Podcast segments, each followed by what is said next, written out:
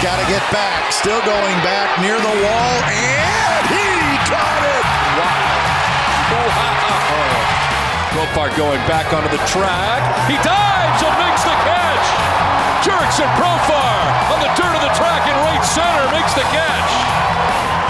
Yeah, tip your cap to the crowd. You betcha, you deserve it, Jerkson. Talkman can't believe it. Bijna geen honkbal in de Major League vandaag en zeker niet op een tijdstip dat wij het kunnen kijken. Dus wat doen we dan?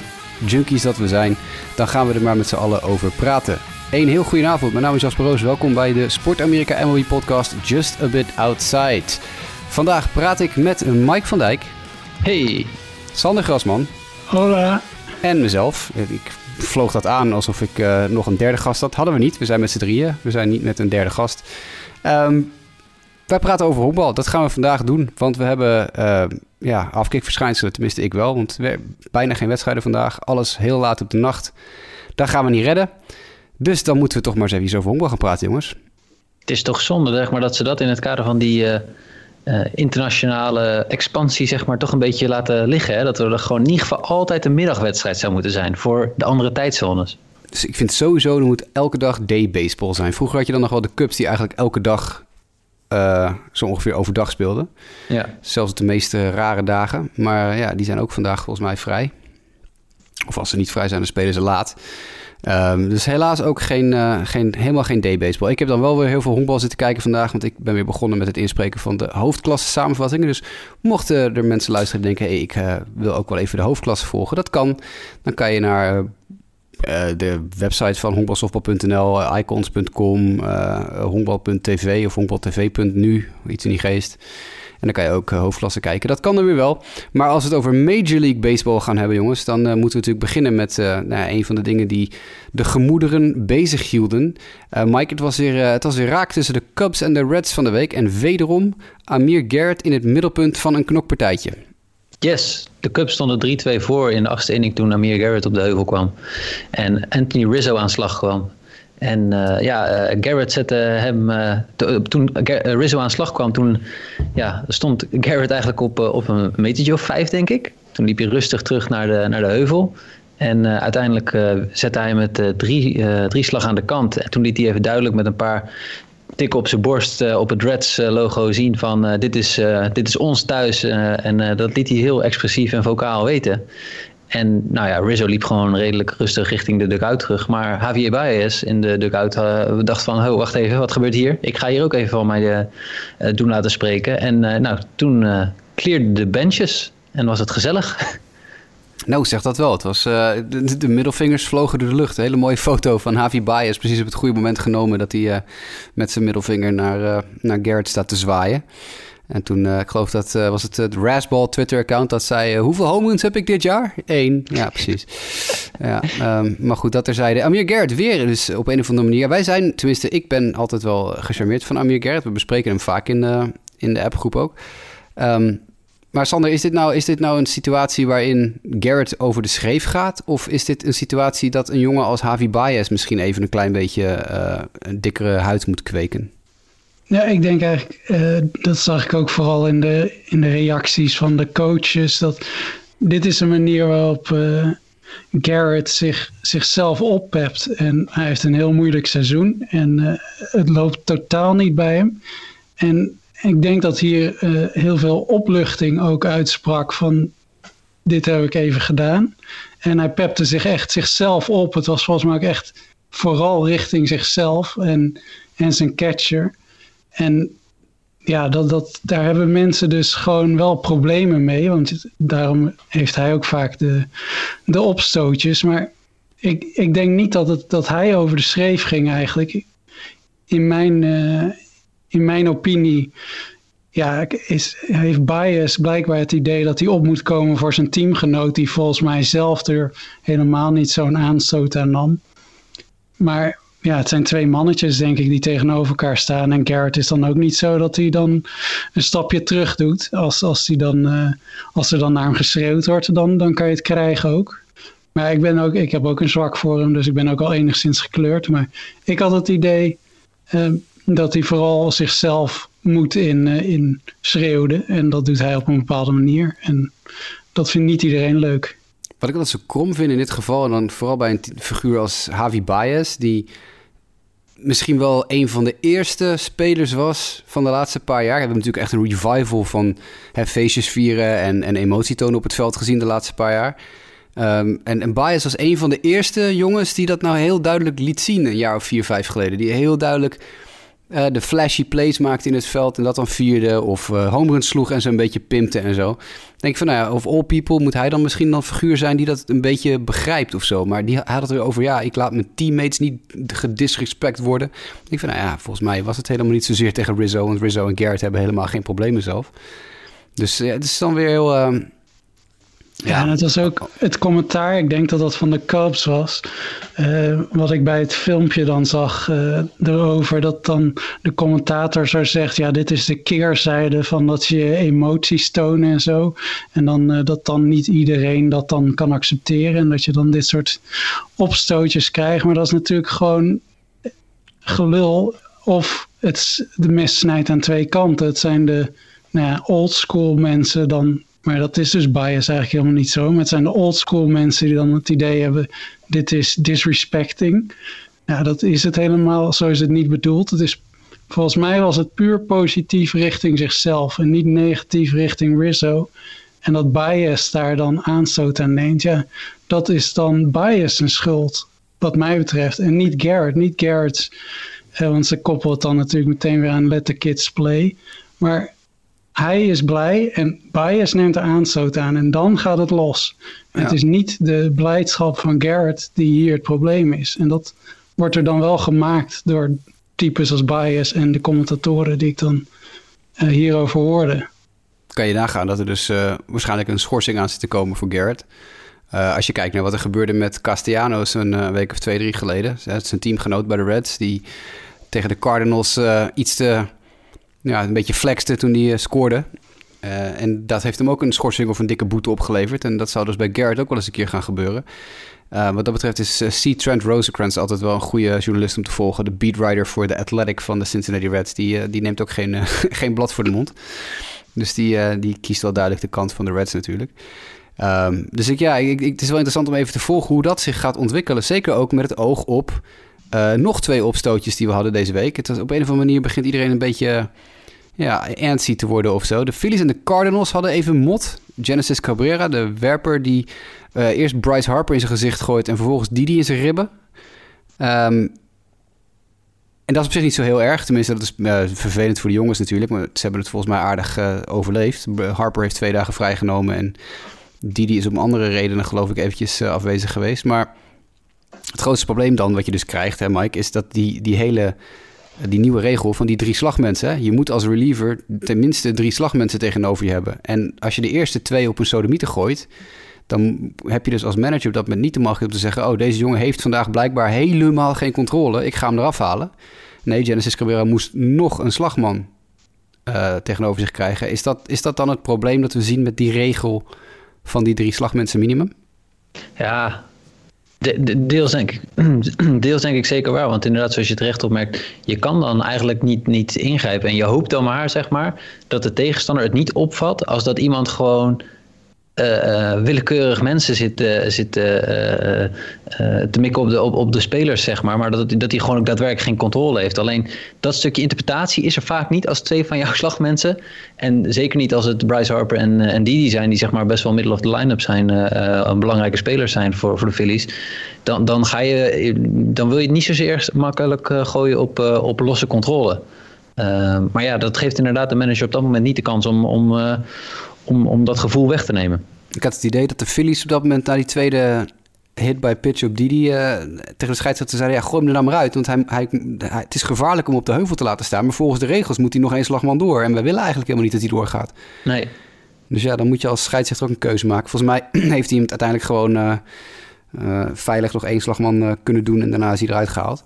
Ik moet zeggen, bij, bij, bij Bryce Dat dacht ik ook echt van. Het, bijzondere was, hij heeft zeg maar die, die helm ook zeg maar met de protection uh, voor zijn voor zijn kin. Mhm. En als je hem in slow motion bekijkt, denk je ook van, oh, eh, je, je bent ook niet gewend zeg maar. Wat doe je op het moment dat er een bal op je afkomt? Dat, dat train je niet of wat dan ook. Want eigenlijk probeert hij toch een soort van met zijn hand of een beetje een soort van weg te duiken. En dan daardoor komt zijn gezicht eigenlijk open te staan. Waardoor hij uiteindelijk die bal nog net een beetje opvangt al dan niet via een deflection uh, op zijn gezicht. Terwijl je denkt van, ah ja, had, had het anders gekund? Ik weet het niet, maar dat is toch wel uh, Ja, hij, hij draait tricky. eigenlijk de verkeerde kant op. Hè? Ja. Hij draait, hij draait Ja. zijn gezicht open, terwijl hij als hij op het moment zijn gezicht een beetje naar links draait... dan heeft hij die hele flap die er aan zijn helm gemaakt is zitten voor. Ja. Maar in plaats daarvan draait hij juist die flap weg van de bal... waardoor ze- de linkerkant van zijn gezicht helemaal eh, ja, open ligt eigenlijk. Ja, ik las daarover dat, die, eh, dat de scoutingrapporten hadden gezegd dat, eh, of dat die, de data eh, schreef voor dat, de, dat eh, de pitcher eh, Cabrera 60% van de keren voor een, eh, een curveball ging bij zijn eerste worp. En dat eh, Harper had aangegeven, ik ging volledig ervan uit dat er een curveball aankwam. En toen werd het ineens een fastball die ik recht naar mijn gezicht zag gaan. Dat ik uit een soort eh, ja, intuïtieve paniekreactie zijn hand omhoog deed. En daarbij, hij ging er dus helemaal, blijkbaar helemaal niet vanuit dat, eh, dat er een fastball aankwam. En eh, dat was dus blijkbaar de reden dat, het excuus dat hij heeft gegeven, dat hij er zo raar op bleek te reageren. Ja, nou ja, goed, die Cabrera gooit ook niet zacht of zo. Dus wat dat betreft eh, kan ik me voorstellen dat je natuurlijk maar een split second beslissing moet, moet nemen. Ehm, en het, het, trio aan gedonder van de afgelopen week was eigenlijk, wordt afgesloten met José Alvarado. Die wat gedonder had met Dominic Smith van de Mets. En daar uiteindelijk toch een schorsing van drie wedstrijden voor gekregen heeft. Ik vind dat eh, toch wel fors, Sander. Vond jij dat eh, de, de transgressie van Alvarado drie wedstrijden op had mogen leveren? Ja, het is, eh, het is een beetje in lijn met, met Amir Garrett. Hè, dat hij liet ook zijn beleidschap blijken. Er wordt dan gezegd dat, dat hij het wel richting Dominic Smith deed. En dat, dat hij het instigated. Dat het, eh, dat, dat het losging. En dat wordt hem dus kwalijk genomen. Ja, ja ik weet niet. Ik vind dat dat... eh, ik, eh, ja, ik vind het dat je je dan op dun ijs begeeft als je dat soort schorsingen geeft voor ja, dat, dat hij het dan uitgelokt zou hebben met zijn overdreven juichen en ja, dat hij, hij heeft blijkbaar nogal gejuicht. Ik heb het niet zelf gezien, maar het deed me een beetje in de beschrijving, eh, in de artikelen die ik erover las, eh, denken aan hoe eh Gratterall, Buster Gratterall, toen bij die eh, vangbal in, eh, was Machado denk ik, in de, in de postseason vorig jaar, die toen ook zo ging juichen en zijn Zijn pet in de lucht gooide, ja, ja, ja, ja. Dat, eh, ja, ja, het zijn anderen die er dan aanstoot aan nemen. En dan de agressiviteit komt in grote mate ook van de andere kant. Ik vind het dan een beetje lastig dat je dan dus jongens die hun blijdschap tonen op een positieve of negatieve manier zo hard aanpakt met schorsingen. Ik vind dat, ja, ik vind het redelijk buitenproportioneel als je het wegzet tegenover echt, ja, geweldsdelicten, zeg maar, dat ze Ja, precies. elkaar aanvallen. Ja, Of dat ze elkaar gooien. Die Alvarado is ook een reliever volgens mij. Dus dan heb je het over eh, jongens als Garrett, Cabrera en Alvarado. Als die geschorst worden voor drie wedstrijden. Op zich is het niet zo'n heel super grote ramp. Want een reliever kan ook wel eens een keer gewoon drie dagen achter elkaar niet in de wedstrijd zitten. Dus dan zet je gewoon eh, tijdelijk eventjes iemand op de bank. Maar het is ook... Is het onbetaald? Meestal is een schorsing onbetaald, hè, volgens mij. Krijg je ook Ja. wel. Ja, ik denk het wel. Nee, ik denk het wel. Ja, dus dan kost het je ook nog een beetje geld. Maar goed, dat, eh, dat terzijde. Ehm, Het was een emotionele serie. Toch heel kort eventjes nog. Het was een Ja, hele emotionele zeker. serie tussen de Mets en de Phillies. Onder andere omdat de, de umps, maar daar komen we zo meteen nog bij. Ja, die hier en daar wel een paar bijzondere calls. Nou, we Eh, pakken hem maar gelijk. We nemen ja. hem maar gelijk in één, in één fel swoop mee. Want inderdaad, het was om de havenklap weer raak. Het is bij de Mets natuurlijk al vaker raak geweest dit jaar. We hebben aan het begin van het jaar die Conforto hit by pitch gezien. Waar we ook al onze vraagtekens bij hadden. En eh, inderdaad, wat je zegt, in deze serie ging het ook eh, een paar keer eh, nou ja, bijna mis. Gisteren nog zondag met de, of ja, mis, mis, tussen aanhalingstekens. Natuurlijk de, de Reese Hoskins double, die, of home run die overturned werd in een dubbel. Wat waarschijnlijk wel de goede call was overigens, maar toch emotioneel. Maar jij doelt denk ik op het moment met McCutcheon ook nog. Nou ja, eigenlijk meerdere momenten. Met name die wedstrijd, die eerste wedstrijd die je aan had. Nou, daar, daar gebeurde zo.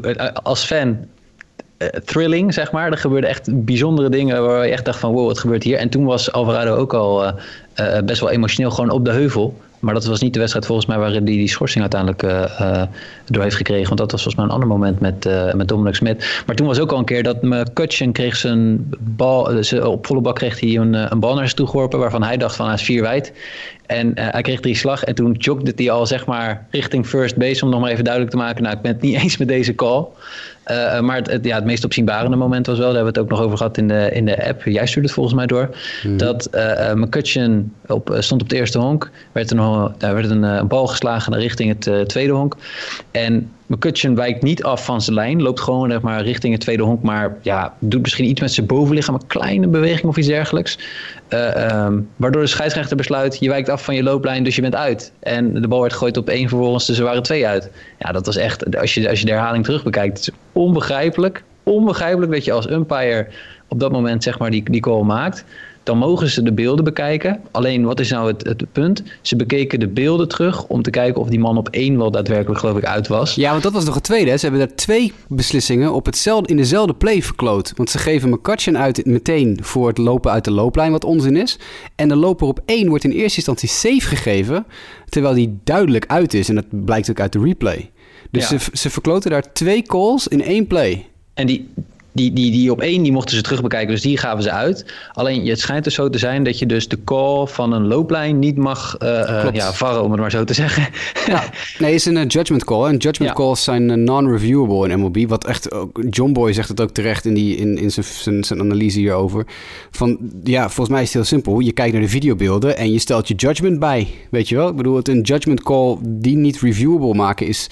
Dat is ooit ingesteld om scheidsrechters, dus aanleidingstekens, de autonomie van scheidsrechters te beschermen. Dat je niet alles kunt overrulen van scheidsrechters. Dat je van bepaalde dingen kan zeggen: nee, dat is een judgment call. Wij vertrouwen de scheidsrechters dat zij daar de juiste beslissing in kunnen nemen. Het is geen kwestie van goed of fout of safe of uit. Nee, het is een judgment call. Loopt iemand uit de looplijn uh, of iets dergelijks. Uh, beetje, beetje om het ego van de scheidsrechters toen, toen video replay ingevoerd werd. Om een soort van ja, met, de, met de scheidsrechtersvakbond een beetje glad te trekken. Maar het probleem wat je daar dus nu mee ziet, is dat je dus inderdaad dit soort situaties krijgt waar je, ja, je zag het in de broadcast ook, hè, de statcast overlay die ze dan hebben, waar ze dan mee op het scherm kunnen tekenen. Tekenden ze de, de looplijn van McCutcheon terwijl hij aan het rennen was. Nou, dat, dat is een kaarsrechte streep. Ja. geen centimeter wijkt hij af. En het grappige is, hij gaat nog naar binnen. Laat maar zeggen, hij zit nog aan de binnenkant van de lijn. Terwijl ik heb spelers ook zien lopen afgelopen weekend. Die pakten wat meer de buitenbocht. Of die wijken dan zeg maar net wat meer naar buiten aan. Dan denk je van, nou die is echt een meter naar buiten gestapt. En dat mag dan wel, weet je. Dus, en McCutcheon die maakte de play ook nog af met een sliding. En die sliding was recht op het honk. Het was niet eens dat hij twee meter naast het honk slide ook nog. En, en, en met moeite bij het honk kon. Want dat moet ook, hè. Je moet altijd een beetje nog in de buurt van het honk. Nee, hij slide nog recht op het honk af. En die looplijn was ook gewoon langs de grens van het gras. Het was helemaal niet moeilijk te zien. Het is niet zoals je soms buiten spel hebt dat je dan... Je hebt gewoon een lijn die er langs loopt. En hij loopt daar gewoon het hele stuk langs. Het is echt ongelooflijk. Echt, ja, hij staat er vlak op. En ja, dat was een rookie, rookie, umpire, geloof ik. Hè? Zag, uh, zag ik op de lijst staan. Dus het is uh, geen goede beurt voor deze rookie. Sowieso, ik vind de umpires deze eerste maand echt... Uh, ja, pak de play er maar bij. We schakelen door. Ja, nou ja, zo, ja, maar goed, dan heb je het alleen over... We hebben het nu alleen maar over veldmomenten ook nog. Ik bedoel, ik vind de, de, de balls en strikes calls... Uh, op het moment dat je scheidsrechters hebt die maar 82% van de ballen in de zone goed callen. En dat zien we natuurlijk nu elke dag vanwege Twitter-account... Uh, wat is het? MLB scorecards of umpire ja, scorecards? Umpire, scorecards, ja. Ja, die, uh, daardoor kunnen we natuurlijk iets kritischer zijn dan we normaal gesproken zouden zijn. Maar ik zit echt af en toe wedstrijden te kijken en denk van... nou bro, waar, waar is jouw strike zone? En uh, ook niet eens dat je denkt van... nou, hij, hij, is gewoon even wat schever met de strike zone. Nee, hij is gewoon inconsequent gebeuren. Maar inderdaad, de Godly play waar jij bedoelt... Um, ook weer een call in het veld. Ook weer een judgment call die niet reviewable was. Ja. Ja, uh, een, een, dribbler die geslagen wordt door Aguilar volgens mij van de Miami Marlins richting het eerste honk. Nou ja, Godley heeft een redelijk postuur, maar niet, niet waar je op zich voor zou hoeven uitwijken. maar hij viel de bal en komt daarbij zo dichtbij, zeg maar, de looplijn. Maar ja, nog steeds niet dat hij daar overheen komt of iets dergelijks. En gooit het balletje aan op één. Aguilar heeft nooit de tijd in een, om, om deze bal überhaupt te gaan, om, om safe op het eerste honk aan te komen. Dus gewoon uit, simpel, duidelijk. Maar wat doet Aguilar? Meer gewoon om niet echt te botsen met Godley, is dat hij op het laatste pasje komt hij ietsje omhoog. Ja, en blijkbaar vindt de scheids dat interference. Terwijl ja, het was gewoon eigenlijk, ik vond het een clean play van de pitcher. Het was gewoon simpel een uitje. En, en hij dacht, nou ja, ik vind het, ik vind het interference, dus ik, ik call hem safe. Ja, dat is echt uh, te bizar voor woorden. En je het, die, het gek aan die play is dan weer wel dat er dus ook mensen zijn op Twitter en best wel bekende journalisten, ook Keith Law onder andere van de Athletic, die uh, de regel erbij hebben gepakt en een screenshotje van de regel in een tweetje hebben gezet. En gezegd, nou, in, volgens de strikte letter van de wet heeft de scheidsrechter hier gelijk. Ja. Alleen, alleen. Wordt niet gecallt Waarom, waarom zou je? Ja. In zo'n geval waar je, weet dat je, waar je eigenlijk alleen maar weet dat je er gedonder mee gaat krijgen. Want ten eerste kent, zoals we gemerkt hebben, 98% van de mensen die dat zitten kijken, kent die, die specifieke regel niet. Niet heel gek overigens, want ik kende hem ook niet. Um, maar er is niemand die er wat van zegt als je dat niet callt. Nee. Als, je die, als je die play laat ontvouwen alsof het zoals wij allemaal denken dat die zou zich hebben ontvouwen.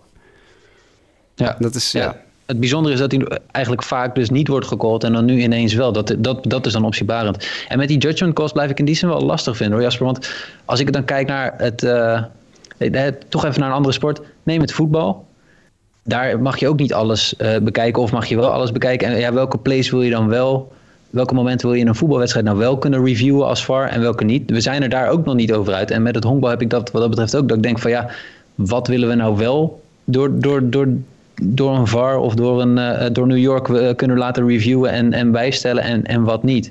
Nou, dit probleem is, dit, probleem is heel makkelijk op te lossen. Dit, het, het probleem met, uh, nou heb ik niet over de VAR in Nederland, want dat is werkt natuurlijk ook niet super goed. Ja, oh nee, zeker niet. er zijn, zijn uh, verbeterpunten te vinden. Maar het hele punt, en daar hebben we het volgens mij misschien in de show een keer vaker over gehad, maar we hebben het ook al. Uh, het, is, het is niet, ik verzin niet, niet iets nieuws hier nu of zo. Het probleem is altijd, het komt neer op ego's van de scheidsrechters. Die willen niet het gevoel hebben dat iedere handeling die ze verrichten van bovenaf teruggefloten kan worden. Vanuit New York. Hè? Want dat zeg je terecht. Er zit in New York zitten vijf gasten bij een hele soort televisies. En die zitten het allemaal te bekijken. En wie zitten daar in New York? Collega scheidsrechters. Geen neutrale videoanalisten. Net als bij de VAR Nederland, waar Danny Makkely weer, uh, weer VAR-dienst heeft of zo. Uh, nee, er zitten in New York zitten ook gewoon scheidsrechters. geen, geen neutrale mensen. Nou, probleem 1 is dat. Je moet er een neutraal iemand gaan neerzetten. En ik geloof dat Eric, Eric Kratz, de, de, de oude catcher, heeft al aangeboden na weer de zoveelste verpeste call van... Nou, eh, ik ga er wel zitten. Ik ben ten eerste een oud speler. Ik kan me in het spelletje inleven. Ik ben een catcher. Ik heb honderdduizend keer met die, met die scheidsrechters gepraat. Ik heb, een, ik heb best wel een band met ze. Ik begrijp ze ook wel. Zet mij de manier als videoanalist. Dat is oplossing één. Je kan namelijk niet zeggen dat je uh, collega-scheidsrechters elkaar laat terugfluiten. Dat, dat, dat gaat niet werken. Dat, dat werkt gewoon niet. Daarom zie je bij, hè, als ze huddelen op het veld om een call eventueel om te draaien, zie je ook nooit wie uiteindelijk zegt we moeten de, de call reversen. Dat is altijd zogenaamd een gezamenlijke beslissing. Terwijl er natuurlijk één iemand staat die zegt: hé, hey, je echt uit hoor op één. Niet safe.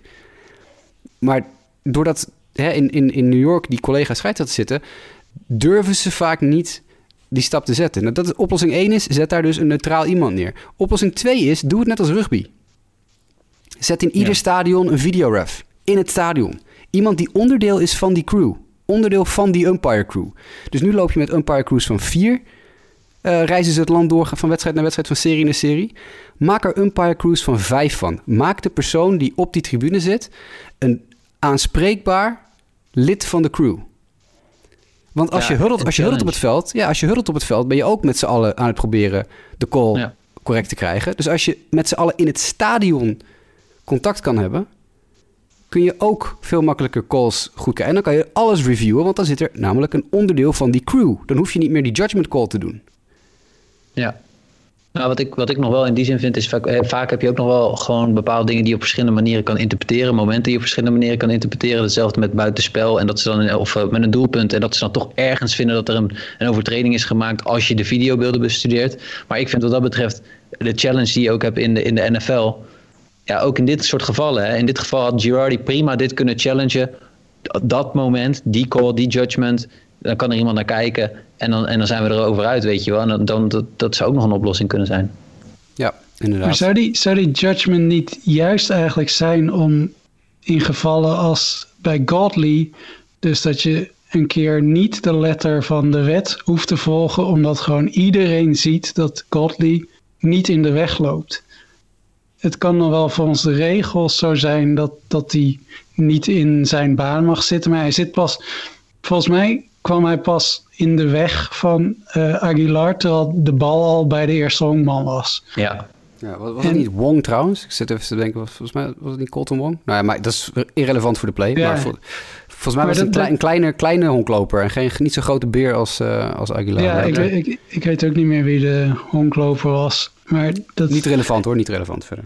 Dat je, daar, daar lijkt het me juist voor, dat je dus kan zien als je daadwerkelijk in het spel bent en het aanvoelt, zoals dat dan zo verschrikkelijk heet. Maar dat je dan door hebt van ja, de letter van de wet zegt hij mag niet in de weg lopen. Maar we zien gewoon dat het niet van.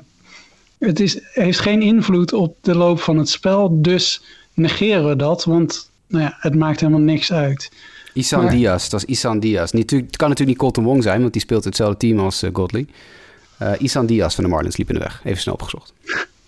Maar ja, ik vind ik wil natuurlijk namelijk niet weer iemand in mijn DM krijgen Nee. dat ik iets gezegd heb wat niet klopt. Dus we moeten eventjes uh, on the fly fact checken. Maar ik vind het zo frustrerend als iemand die een voorstander is van dit soort uh, technologie, dat het bijna zonder uitzondering fout wordt toegepast. Dat het altijd, want het is gewoon goed dat dit kan, maar het wordt dan weer zo uh, ja, gebruikt dat het gewoon frustratie oplevert, dat het juist averechts werkt. Het zou juist moeten zijn dat God die, uh, dat die uit is, dat dat niet uh, dat daar niet ingegrepen wordt. En bij McCutcheon, wat gewoon.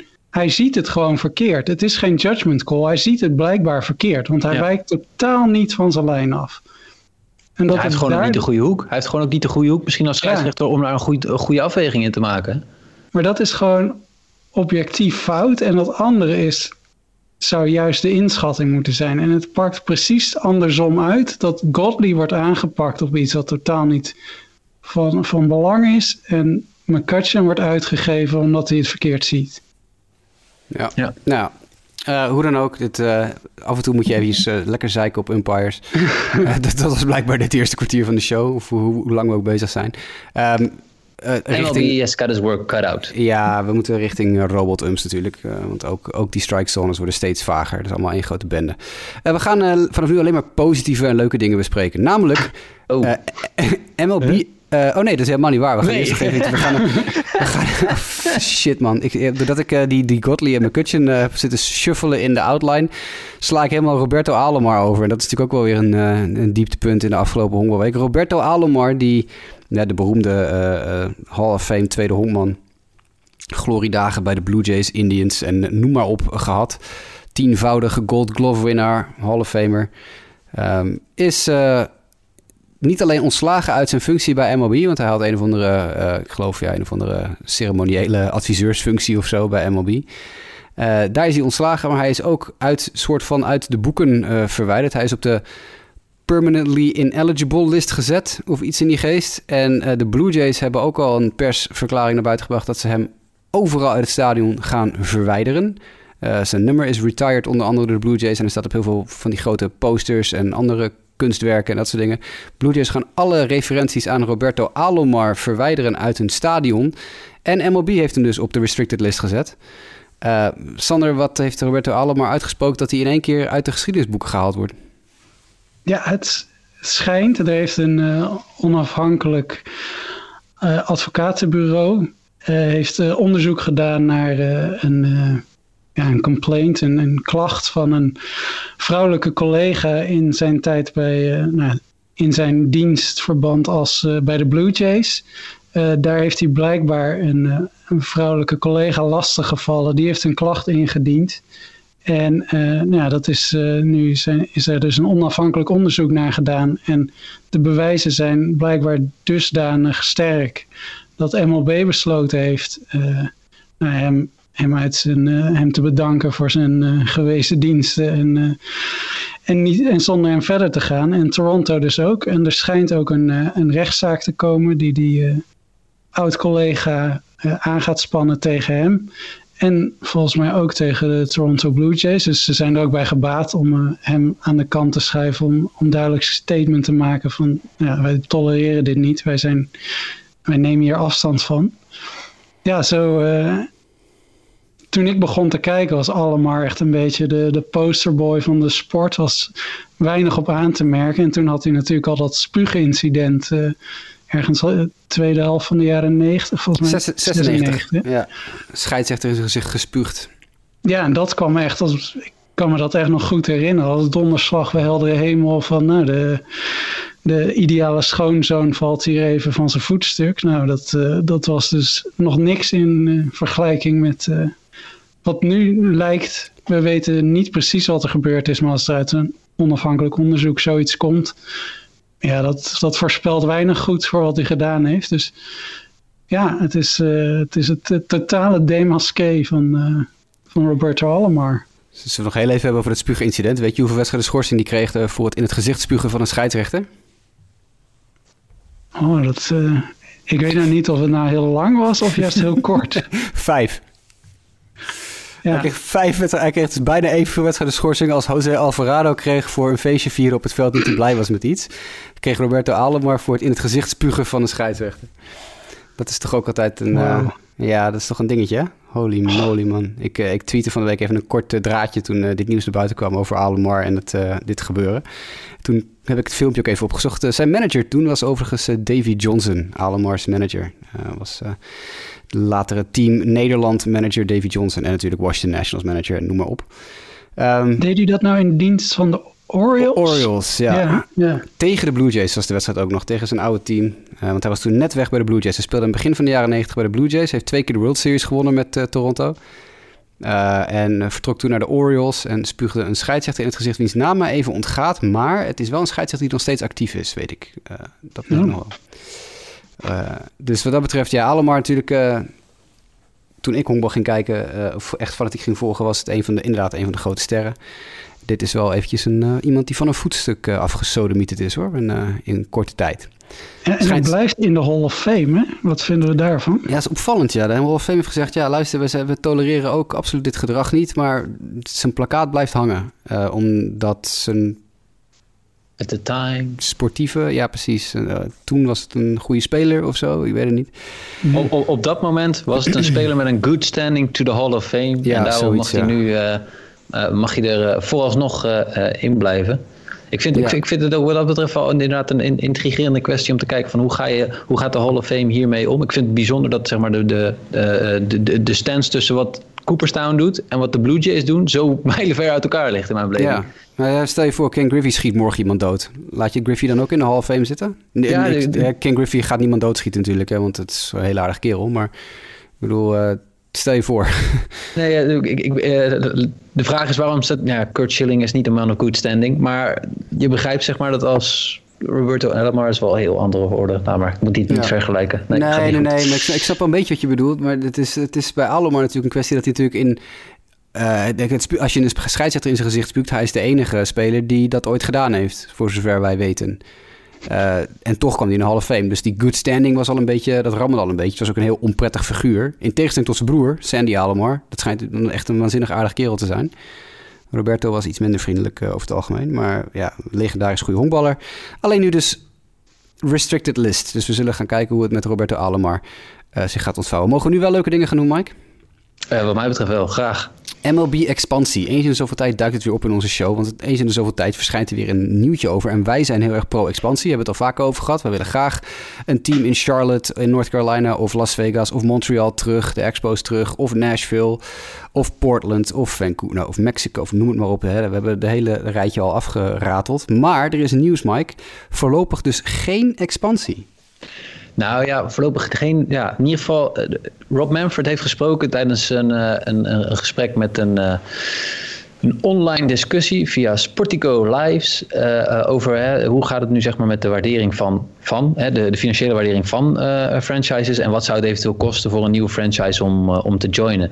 En uh, nou, er wordt er gepraat over 2,2 miljard wat het dan zou moeten kosten om een nieuwe franchise toe te voegen. En dat, dat heeft dan zeg maar ook weer te maken met dat het is niet alleen dat er extra geld bij komt met de extra franchises, het is ook zeg maar revenue sharing wat dan weer bij andere teams wat, wat, wat, extra, wat, wat minder inkomsten genereert.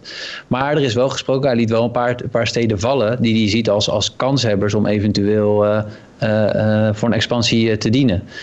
maar de focus is eerst, zegt Rob, eerst moet Tampa Bay en Oakland moet eerst een nieuw stadion krijgen. En, en, en daarna kijken we wel verder, zeg maar. of er dan nog ruimte is om, om teams toe te voegen. En dat zou dan eventueel Charlotte kunnen zijn in North Carolina, Las Vegas, Montreal, Nashville, Portland en Vancouver. Ja, het zijn, ja, het zijn een beetje de bekende namen, toch? Vancouver zijn, ja. is voor mij een beetje nieuw en Charlotte. Nou, Charlotte heeft uh, uh, al vaker gezegd dat ze wel interesse hebben. Charlotte heeft natuurlijk namelijk best wel heel veel professionele... Charlotte is niet een supergrote stad, hè? Dus het is niet meteen een stad waar... Als je tegen iemand zegt, noem eens een paar grote sportsteden... gaan mensen niet Charlotte, North Carolina noemen. Nee. Maar je hebt, je hebt daar de Carolina Panthers zitten in Charlotte, de NFL-team. Mm -hmm. uh, volgens mij hebben ze ook een ijshockeyteam. Zeg ik even mm -hmm. uit, maar ik ben niet zo ijshockey vast. Basketbal? Ja, ze hebben de Charlotte Hornets, de basketbalploeg. dus er zitten daar, er zit daar alles behalve Major League Baseball. Wat zit er wel? AAA Baseball, de Charlotte Knights. Dat is het White Sox AAA-team. Die toevallig wel een van de mooiste AAA-stadions hebben in Amerika. En met echt een schitterende skyline erachter. Als je het BB&T ballpark van Charlotte, North Carolina even googelt in de images. Waanzinnig mooi stadion. Het stadion zelf is heel modern en leuk hoor. Maar het is vooral hè, een lage muur. En dan kijk je uit over die skyline van Charlotte. En dat is echt, echt heel mooi. Uh, dus ik, uh, wat dat betreft vind ik Charlotte wel een prima, prima alternatief. Zeker met een enorme, een, een, relatief jonge populatie en natuurlijk een enorm topsportklimaat. Het stadion ligt ook vlakbij het Panther Stadion, dus je hebt dan, kun je het allemaal lekker clusteren bij elkaar. Dus wat dat betreft zou ik Charlotte wel, wel leuk vinden. Ik heb, ik heb helemaal niks met honkbal in Las Vegas. Ik ook niet. Nee, ik heb helemaal niks met uh, Las Vegas überhaupt. Dus, ja. uh, maar ik vind het wel jammer dat hier zitten echt hele mooie opties tussen. Ik, wel, ik, ik wil heel graag dat het eh, in Montreal terugkeert.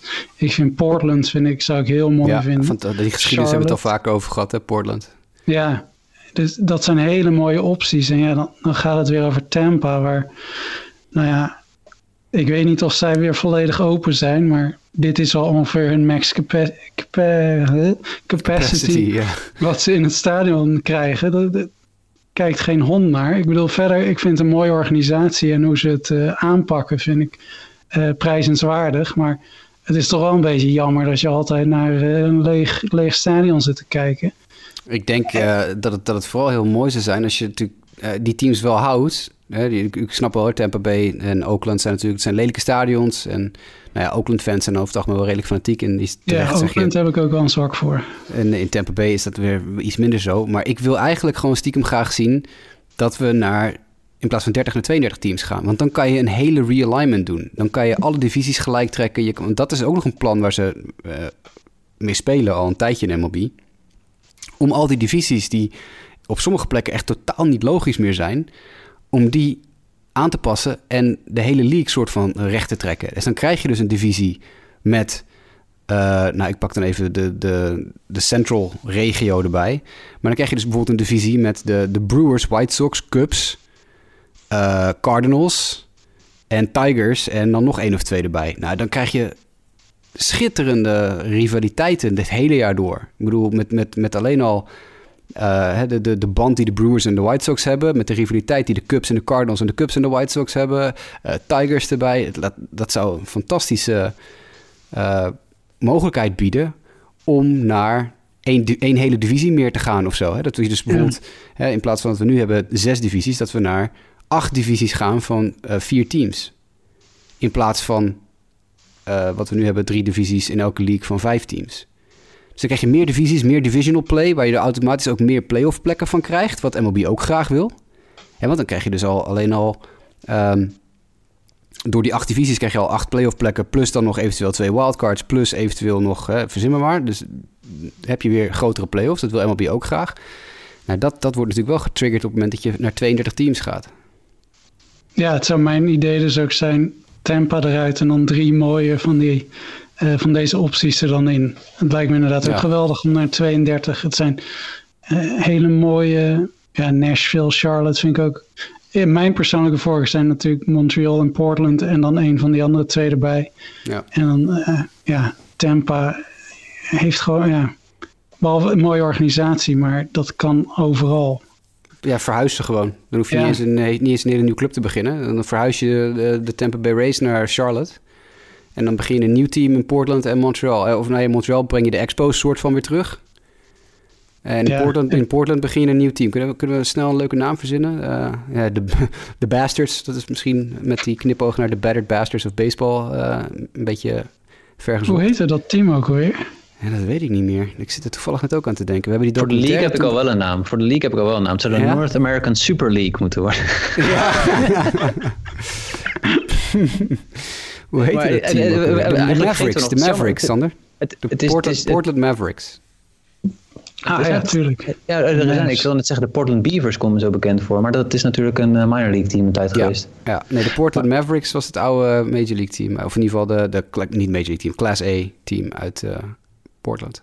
Ja, en het jammer blijft natuurlijk dat er geen Mexicaanse club als optie is genoemd. Dat zou denk ik nog steeds ook wel interessant zijn. Maar ja, eh, ik denk dat we nu ook... Ja, ja, precies. Dat we nu ook gezien hebben hoe complex dat kan worden in tijden van pandemie. Nou is een Mhm. pandemie niet iets wat iedere jaar zou moeten gebeuren. Maar eh, wel dat er daarbij... We hebben nu niet voor niets eh Dundee eh, gisteravond op tv gehad. eh of voor de ESPN-kijkers onder ons. Dunedin moet ik eventjes trouwens erin ja. gooien. Want eh. Sander, of, eh, Justin zei ook al Dunedin eh twee weken geleden. Het is Dunedin. Het is niet logisch als je het ziet, maar het is zo, zo spreek je het Precies. uit. Maar Montreal, ik, blijf, ik, ben het met jullie eens qua franchise blijft Montreal zeg maar fascinerend. Ook wat ze hebben. Maar ik, het, eh, ik wil niet zeggen mijn generatie, maar voor mij is zeg maar de attendance die Montreal had in die laatste vijf tot tien jaar, was echt Marlins-worthy. Ja, ja, maar dat, ik, ik denk dat dat heel erg een don't know what you got till it's gone situatie is geworden voor Montreal. Die hebben zich toen niet gerealiseerd hoe erg ze het zouden missen. En ik denk niet dat ze dat nog een tweede keer laten gebeuren. Ja. Ja, en ik kan je anders wel even. Er staat op YouTube een fantastische documentaire over het hele bestaan, volgens mij, van de Expos. En dat. Ja, dan, dan krijg je meteen een sympathie voor de. Dan hoop je echt dat het in Montreal terugkomt. Ze hebben ook iets helemaal fout gedaan met het stadion, was het volgens mij. Ja, dat was ja, dan het Olympisch. Olympisch Stadion. Ja, Jeffrey uh, Loria, die uh, eikel-baas van de Marlins, heeft er ook nog uh, een hand in gehad dat de Expos uiteindelijk uh, belly-up gingen. Volgens mij heeft hij het geld wat hij uiteindelijk in de Marlins heeft gestopt om de Marlins te kopen of op te richten, had hij soort van afhandig gemaakt van de Expos-organisatie of zo. Daar zit een verhaal achter. Jeff Ludoria is al natuurlijk een crimineel van de bovenste plank. Maar die heeft ook een of andere, of die zat in een of andere stuurgroep die er uiteindelijk voor gezorgd heeft dat de Expos opgeheven werden of zo, weet ik veel. Die heeft daar ook nog iets vuils in gedaan. Zou ik even moeten opzoeken, weet ik niet meer uit mijn hoofd. Um, we houden dit in de gaten, want het is wel leuk om even uh, ja, over yes. te filosoferen af en toe. Uh, morgen begint het minor league seizoen, jongens. Uh, ik weet niet of jullie het gaan volgen. Um, mochten er mensen zijn die het willen gaan volgen, en ik raad het van harte aan, ondanks het ene grote probleem dat er met de minor league is in Amerika en het volgen ervan, is dat er bijzonder weinig daygames zijn. Heel veel avondwedstrijden die om 7 of 8 uur s avonds Amerikaanse tijd beginnen, dus midden in de nacht bij ons. Maar je kan een abonnementje nemen op MILB TV. Het is er namelijk weer dit jaar. Uh, en dan krijgen jullie van mij nu een insider tip. Als je dan bij checkout in de kortingsbox een willekeurig naam van een team invult, krijg je 10% of 10 dollar korting. Eén van de twee, weet ik niet meer. Dat is iets wat niet geadverteerd wordt, maar dat is al jaren zo. Als je bij MILB TV bijvoorbeeld Knights of... Uh, nou, Mike, noem eens een van jouw favoriete minor league teamnamen. Rumble Ponies of zo intoetst. Trash Pandas. De Trash Pandas. Oh, ja. Chattanooga. Hier, kijk, je, je bent de Trash Pandas fan hier. Als je dus in de box, in de kortingsbox Trash Pandas in zou vullen, dan zou je... Ik weet even niet meer of het 10 euro of 10 dollar of uh, 10% is. Dat hou me even te goede. Ik zou voor de zekerheid gaan voor een naam die al wat langer bestaat. Dus voor de zekerheid zou ik inderdaad dat uh, zeker doen. Ik pak meestal de Barons in zo'n geval. Uh, ik geloof volgens mij kost het twee tientjes. 25 dollar. Zoiets in die geest. Nou, een dief van je eigen portemonnee. En je bent eigenlijk een dief van je eigen portemonnee als je het niet doet. Ik heb het ook al jaren, terwijl ik echt bijna geen wedstrijden live kijk. Maar ik vind het leuk om af en toe, als het kan, er eentje op te zetten. Want Zo nu en dan heb je een, een week waarin heel veel eh, overdag is. Maar in ieder geval, morgen begint dus het minor league seizoen. Dus dan kunnen we ons weer gaan verheugen op de Trash Pandas tegen... Wie zei je ook alweer, Mike, net? De Chattanooga Lookouts. De Chattanooga Lookouts, inderdaad. Ja, ik was vandaag op de website van de Biloxi Shockers. Ik moest even wat opzoeken over een, uh, een minor league speler. Dus toen kwam ik op de Biloxi Shockers website uit. Die spelen morgenavond tegen de Birmingham Barons. Vandaar dat... Uh, Kijk, Michael. Ja, dat is een, dat is een, een mooie, mooie affiche ook. Ik geloof dat morgen AAA en AA beginnen. En donderdag, zeg ik even uit mijn hoofd, woensdag of donderdag begint Single A. Maar dat weet ik even niet uit mijn hoofd. Maar dat wilde ik even melden. Dus uh, mensen die... Uh, een groot aantal Koninkrijksspelers. Een heel groot aantal Koninkrijksspelers. Uh, jongens waar we misschien nog nooit van gehoord hebben of die we nog nooit besproken hebben. Dus dat is ook misschien nog wel de moeite waard. Ik, uh, ik zou bijna zeggen, ga allemaal even na deze show naar milb.com en kijk even wat ze aanbieden. Denk er wel aan, niet alle teams hebben televisie uh, dingen in het stadion. Um, bijna allemaal wel hoor. Uh, sommige hebben een beetje rare uitzendregels, maar daar hebben wij geloof ik geen last van in Nederland. Dus dat, dat scheelt dan weer. bijvoorbeeld, er zijn teams met blackouts. Dat is ook weer heel apart. Dat je minor league blackouts hebt. Even kijken, wat kost het dit jaar? Een jaarabonnement kost oh, 39,99 in dollars. Ze hebben het uh, twee keer zo duur gemaakt als uh, twee oh. jaar geleden. Toen was het nog, geloof 25 dollar en nu is het 39,99. Dus ze hebben het uh, duurder gemaakt. Maar je kan dus proberen of je dus nog een teamnaam in kan vullen bij de kortingsbox. En dan krijg je korting. Um, dat even gezegd hebbende. grappig feitje, over, nu we het toch over minor league of de lagere leagues hebben. de Pioneer League gaat experimenteren met een extra inningregel, nieuwe stijl. Uh, niet extra innings, niet lopers op twee, dat soort dingen. Nee, we gaan home run derbies doen als na negen innings de stand gelijk is. Iedere speler, ieder team mag een speler aanwijzen. Die krijgt vijf pitches en degene, het team met de meeste home runs wint de wedstrijd.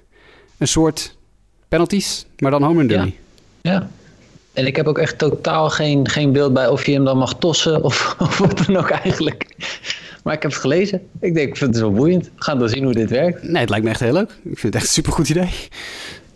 Ja, is het dan de pitcher van de tegenstander? Of is het net als de home run derby dat het... Uh, dat je je eigen pitcher mag gebruiken. Ja, ja ik heb ja. geen idee. Je, je, kan er wel een mooie lichtshow en zo van maken, toch? Ik bedoel, het is wel... Uh, ja. Ik hoop dat de internationale, dat de WBSC ook meekijkt. Dit is natuurlijk een hartstikke leuke manier om tijdens de Olympische Spelen aan het eind van de rit uh, de finale te beslissen of zo.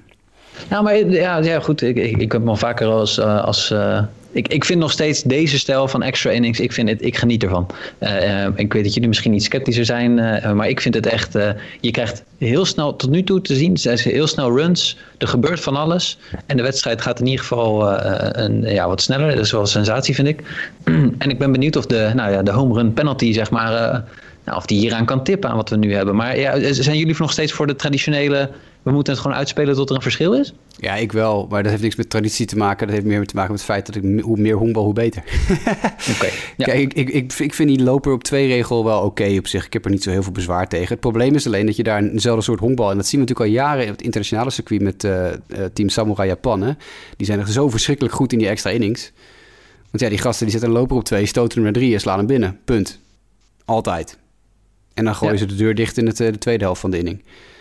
Uh, en ik heb nu een paar keer dit jaar die situatie gezien in de Major League. Je kan duidelijk zien dat Major League teams er totaal niet op ingesteld zijn. Nee, ik zie vaak juist ontzettend veel runs voorbij komen. Ja, die, die kunnen niet stoten. Of, dus je krijgt of alleen maar strikeouts, uh, drie innings lang of zo. Uh, of je krijgt in één keer een, een, een cavalcade aan, uh, aan, aan runs. Maar het gaat nooit op de manier zoals je eigenlijk het snelste klaar bent. Dus dan denk ik, kan je net zo goed doorspelen. Toch? Ja.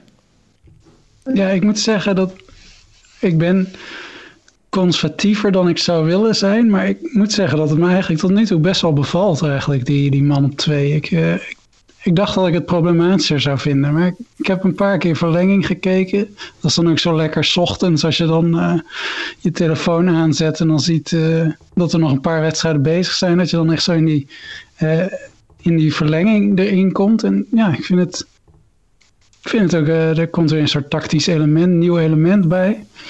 Ik weet niet, misschien uh, gaat het op een gegeven moment ook al snel vervelen. Maar op dit moment vind ik het ben ik positief verrast eigenlijk over hoe het uitpakt vaak. Maar mag dan, ik, ik, ik ga toch een bruggetje maken. Um, we hebben afgelopen week een strikeout gezien van Anthony Rizzo, die Freddie Freeman uh, drie slag wegzette. eh, eh, we zien toch wel vaak wedstrijden met zo best, wel, best wel een blowout. Ja, ik vind op zich de, de mercy rule, ik weet niet. Ik weet niet of dat echt, echt helemaal geweldig is. Maar we hebben wel heel veel position players pitching, wat ook sensatie is. Als Drew Cabrera komt geregeld de laatste tijd op de heuvel voor de Diamondbacks. Uh, ik weet niet of dat een positieve ontwikkeling is, ja of nee. Nee, dat weet ik ook niet. Ben nee, ik weet uit. wel dat... we hadden het, de White Sox tegen de Red Sox hadden dat natuurlijk de wedstrijd dat Giolito het niet had. En dan begint, nou, ik denk de zevende inning. Want ja. ze hadden natuurlijk alleen maar zeven en achtste, want het was in Boston. Ja, ik, ik denk dat dat voor niemand echt leuk is. Ik, ik vond dat ook niet echt leuk. Dan heb je bijna het idee van ja, eindig het dan maar of zo. Maar dat dat, dat dan zo'n, ja, iemand die totaal geen pitcher is gaat pitchen. En dan, het is heel raar. En, en de slagman weet er ook niet zo goed mee. Ja, ik weet niet. Ik, uh... Managers doen het al heel snel inderdaad. Je ziet wel dit seizoen vind ik dat ze gewoon een stuk sneller in die, in die zeven of de achtste inning als het gat al groot is, dat ze zeggen van nou ik uh, kom maar door met die. Uh, met van, ik, ja, ik begrijp het ook, maar ik inderdaad oh, hoe, hoe vermakelijk het is. Ja, het is echt inderdaad een beetje een soort van. Uh, hmm. Ja. Ja, nee, klopt. Um, ik heb in de tussentijd heel even wat uh, research voor jullie gedaan. Voor alle mensen die net naar mijn hele relaas over de minor league hebben zitten uh, luisteren. Ik heb namelijk even gewoon MLB TV aangeklikt. En ik ben gewoon die promocode in gaan vullen om te kijken of het nog steeds werkt. Werkt nog steeds. 10 dollar eraf. Zo. Op je 39,99. Enige probleem is natuurlijk in Nederland. Dus je vult in dat je in Nederland zit en dan krijg je gelijk 6,5 dollar tax erbij. Dus de, hmm. de kortingscode is geen 10 dollar voor ons, maar 3 eh, dollar en 70 cent. Toch weer 3 dollar en 70 cent gewonnen. Ik heb in mijn geval uh, promocode Barons in all capitals. Denk eraan, je moet allemaal hoofdletters gebruiken. Ik heb Barons gebruikt, op apply gedrukt toen ging er 10 dollar vanaf. Mocht je dus interesse hebben in MLB TV, denk daaraan dat je bij promocode invult een willekeurige teamnaam. 36 dollar en 29 cent wordt dan je totale prijs. Heb ik even voor jullie uitgezocht. Doe ik gewoon even. Ben ik, zo ben Hopsa. ik. Hopsakee. Kort nieuws. Sure. Klubers een honderdste win. Oké, niet gezien. Wat vinden we ervan? Heeft iemand de start gezien? Ik heb niet gezien. Samenvatting gezien. Hoe was het? There were a lot of whiffs. Oh, nou, er zat veel movement op de pitches, zoals jij het eerder ook hebt aangegeven. En tegen een, een, een, een line-up van Detroit ja, ziet dat er dan heel goed uit. ja, is, is ook wel weer zo. Het is wel weer Detroit inderdaad, ja. Maar goed, dat... Uh, hey, ik twijfel in, in fantasy of je zeg maar op dit moment als je in een deep league zit... of je, of je een gokje moet wagen. Nou, tegen Detroit kan het wel, maar met Kluber zou ik het nog even niet doen. Maar het is wel leuk voor dat hij zijn honderdste win heeft. De Yankees en de Giants hebben een trade gemaakt. Volgens mij is het tot twee weken geleden. Volgens mij hebben we het uh, de vorige keer uh, gemist eventjes. Okay. Mike, Mike Talkman naar de San Francisco Giants in ruil voor Wandy Peralta en een player to be named later. Sensatie. Sensatie, hashtag analyse. En uh, Max Scherzer gooide een complete game en moest vervolgens naar het ziekenhuis redden, want zijn vrouw gaf, was in een kind aan het krijgen. Ja, ze hoort zijn ding. En Volgens mij is het kind, kind, geboren inmiddels toch, of niet? Ja, zoontje. Ja, nou, nummer drie, zeg drie. ik aan mijn hoofd. Ja, ja. ja, heel goed. Nou, mooi. Dan hebben we dan even het nieuws gehad. We hebben nog één klein blokje, of nou ja, eigenlijk anderhalf blokje dat we doen. We hebben een heel kort blessureblokje dat we helemaal aan het eind doen. Maar we zijn één maand onderweg. Dat betekent dat we... Ja, we kunnen even kijken. Hè. Wat is nou de grootste verrassing? Uh, welk team van die verrassingen nemen we serieus? Welke niet? Uh, we hebben een team van de maand op sportamerika.nl. Zowel voor de American League als de National League. Daar lopen we even doorheen. En we kiezen spelers van onze maand of zo. Wat, uh, wat uh, Sander, wie is voor jou de grootste verrassing, teamsgewijs? Ik weet wat je gaat zeggen trouwens. Ja, ja. ja. Als je denkt Boston, dan ging ik die juist nee. vermijden. Nou, de, de grootste verrassing... Ik, als ik verrassing echt wat helemaal uit het niets komt... maar daarvan heb ik dus ook totaal niet het idee dat het bestendig is, dan vind ik de... Hebben ze blauwe uniformen? Nee, ja, daar werk ik naartoe. Want ik wilde ah. eigenlijk eerst de Giants zeggen dat ik daar dus echt geen vertrouwen in heb. Niet dat ik veel meer vertrouwen heb in de Royals, ding, ding. maar meer. Ik, uh, de Royals zijn een uh, positieve verrassing. Ik denk dat je die ook al verwachtte. Ja, dat bleek, daarom zei ik, hebben ze blauwe uniformen aan. Ik, had, eh, ik dacht wel dat jij uh, de Royals zou zeggen, ja. Wie, die Danny Duffy, wat is, wat is er in hem gevaren ineens? Want die was vorig jaar en het jaar ervoor echt niet om aan te zien. En die gast is top 5 in de American League op dit moment qua pitching. Ja, want ik schreef vorig jaar ook al de preview voor het jaar. En toen waren ze in spring training super enthousiast over hem. Want hij had een heel nieuw dieet en hij had helemaal een nieuw fitness... Uh, eh, protocol voor zichzelf en dat, dat zou het helemaal worden. Nou, dat was echt eh, tien keer niks. Dat is echt eh, dramatisch. En hij is dit jaar en het is, eh, ja, het is fantastisch. Het, maar ja, ik moet zeggen dat, ja, is het, gaat hij dat een heel seizoen volhouden? Ik weet het niet, maar ja, hij doet het nu hartstikke goed. En ik denk dat hij drie jaar geleden was hij ook goed. En tegelijkertijd Brad Keller, hadden het er al even op de app over. Dat, die was vorig jaar heel goed. Die schoof, eh, die verving hem eigenlijk als de ace. En die is dit jaar weer echt niet om aan te gluren. En eh, ja, ze hebben heel veel jonge werpers. Hè? Maar Brady Singer is nu licht geblesseerd. Volgens mij is hij nog steeds day-to-day, maar hij speelt al een tijdje niet. Maar vandaag, volgens mij vanavond, maakt Lynch zijn debuut. Ik Ja. ben nu even zijn voornaam Daniel. kwijt. Daniel, Daniel Lynch. Daniel. Maar dat is nog zo'n eh, talentvolle werper waar ze heel enthousiast van worden. En ja, ze kunnen nu een beetje die jongens die kans geven. Ehm, ja, waar ik bang voor ben is dat zij er echt in gaan geloven. En dan eh, rond de trade deadline talenten gaan gebruiken om eh, nu te gaan winnen. Terwijl ik denk dat ze daar gewoon het gaan afleggen tegen de White Sox. En je dit echt moet zien als een positieve voorbode voor wat er in de komende jaren gaat gebeuren. Maar ik denk nu mag je heel blij zijn dat je het een tijd meedoet. En, en misschien kan je tweede worden, misschien kan je de, eh, de wildcard krijgen. Maar ik, ik denk niet, maar ik ben nu puntje 2 al eigenlijk ook aan het doen. Maar ik denk niet dat, dat zij eh, de ambitie moeten hebben om nu alles te gaan winnen. Want dat ga je niet. Kan je beter daarmee wachten tot het echt je, je venster open gaat en je kan winnen. En, maar nu is het tot nu toe eh, heel leuk om te zien. En het is allemaal nog zonder Mondesi. Dus die komt ook nog terug. En eh, Ben Intendi, hè, dat is mijn eh, Fantasy League speler. En die, eh, die komt weer terug.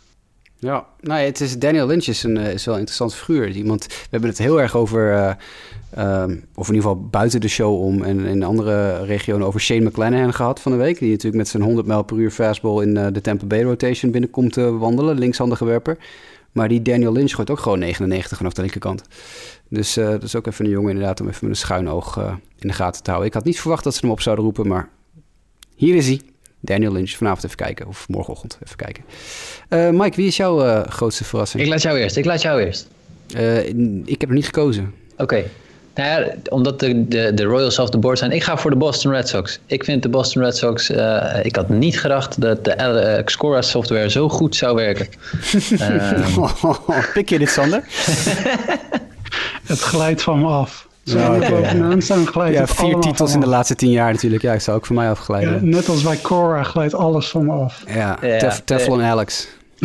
Nou goed, we hebben hier ook zat eh, grappen onderling al in de, in de app over gemaakt. En ik geloof niet dat de, de hele line-up eh, echt dan fuego is van, van de Red Sox. Maar ik, ja, ik, had, ik had veel dingen denk ik wel zien aankomen van zoals we nu hadden gezien. Zelfs Seattle Mariners hadden we gezegd van nou ja, na een maand staan ze bovenaan. Nou, wat scheelt het? Maar de- dat de Red Sox zo goed voor de dag zouden komen, heeft mij positief verrast. Nou, dus dat is mooi. Denk je dat het houdbaar is? Mm, Ja, ja, pff, eh, ik, ik denk dat het 500 is, goed genoeg is, gaat voor zijn. Ja, Dat moet ik, wel ik, denken. ik denk dat ook wel een beetje. Ik zie New York en Toronto weer een beetje omhoog kruipen in die eh, divisie. Nu, de laatste week. Dus ik denk dat het eh, tricky wordt. Maar ik bedoel, plus 20 run differential nog steeds Boston. Dus eh, niks om over te klagen. Eh, ik vind het moeilijk om een verrassing, een positieve verrassing te kiezen. Want stel je voor, ik kies hier voor de Washington Nationals. Hè, die bovenaan staan in de NL East. Ik heb ze aan het begin van het seizoen, toen wij invulden eh, wat wij dachten dat de divisies zouden worden, heb ik de Nationals stijf onderaan gezet. Ze staan bovenaan in de NL East. Met een 500 winstpercentage. Min 14 run differential. Moet ik daar nou iets positiefs over zeggen? Oh, ze zijn me positief verrast, want ze staan bovenaan. Ja, maar ze zijn echt misschien wel de slechtste nummer 1 in de divisie die ik in de laatste 25 jaar gezien heb. Ja, dan weet je, vind ik dan moeilijk. Want de, de Mets staan erachter. Dit gaat ook niet zo heel soepel. De Philadelphia Phillies gaat ook niet zo soepel. De Braves gaat niet zo soepel. De Marlins, enige team met een positieve run differential, die staan onderaan. In die, in die divisie. Dus dat vind ik dan weer lastig. Dus dan moet ik toch maar voor de San Francisco Giants kiezen. Want die hebben mij wel soort van positief verrast. Ik blijf erbij. Ik vind het een doodsaai team. Ik vind er geen, geen klap aan. Heel weinig eh, leuks eh, wat daar rondloopt, eh, vind ik. Om naar te kijken. Maar Posey die had een, een hot streak van heb ik jou daar de eerste, wat is het, drie weken van het seizoen of zo. En dat gaat ook weer prima. Die pitching is, is ridicuul. Kevin Gausman nog steeds prima, maar ook Anthony DeSclafani kwam me naar boven drijven toen ik het National League Team of the Week zat te maken. Als, ja, als speler die toch echt wel nou ja, serieuze consideratie kreeg. Um, uiteindelijk niet de rotation gehaald van mijn team of the month, maar toch, eh, ik bedoel, als je kijkt naar de spelers die, de, de werpers die een complete game shutout hebben gegooid in de National League in de maand april. Uh, dat zijn natuurlijk Joe Musgrove met zijn no-hitter, Jacob de Grom, Aaron Nola, Zach Gallen en Anthony de Sclafani. En dan neem ik Madison Baumgartner eventjes met een schuin oog niet mee, omdat het maar tussen aanleidingstekens zeven innings was. Maar ja, ik bedoel, Gallen, uh, Nola en de Grom, dat zijn gearriveerde, in ieder geval heel, heel goede werpers. De Sclavani zou ik niet in dat rijtje scharen. Dus laat ik het in zoverre zeggen, positief verrast door de San Francisco Giants, die bovenaan staan in de NL West, boven de LA Dodgers. Plus 25 run differential ook hebben. Dus wat dat betreft uh, ook niet slecht. Dus laat ik, laat ik dan de Giants zeggen. Is het houdbaar? Ik heb daar zo mijn twijfels bij, maar ze zijn niet zo slecht als ik had gedacht tot nu toe. Nee, we hadden echt in het begin van het jaar gedacht... Dodgers Padres gaan het uitvechten en die, uh, die vreten de hele rest met huid en haar op en uh, maken er korte metten mee. Maar de, ja, het is misschien wel eens een deep dive waard in wat ze nou precies met die pitchers doen, of we daar iets uh, wijs uit kunnen worden. Het is wel heel interessant hoe, ja, hoe ze die weten te transformeren en ja, geweldige resultaten ermee boeken het is misschien wel de moeite waard om te kijken of er vergelijkingen zijn tussen de pitching staff van de Giants en die van de White Sox. White Sox hebben in de Major League het laagste starter ERA van alle teams.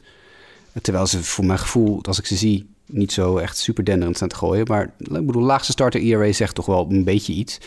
En Ethan Katz, de huidige pitching coach van de White Sox, komt bij de Giants vandaan. Die heeft ja, een paar jaar bij de Giants rondgelopen.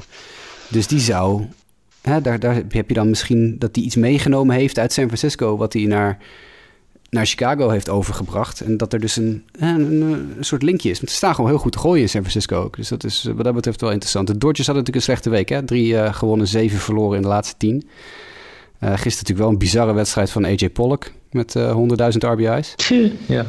Maar was, was het de vierde keer in de geschiedenis dat er twee teammates achter elkaar in de line-up sloegen die allebei zeven RBI's hadden in een wedstrijd of meer?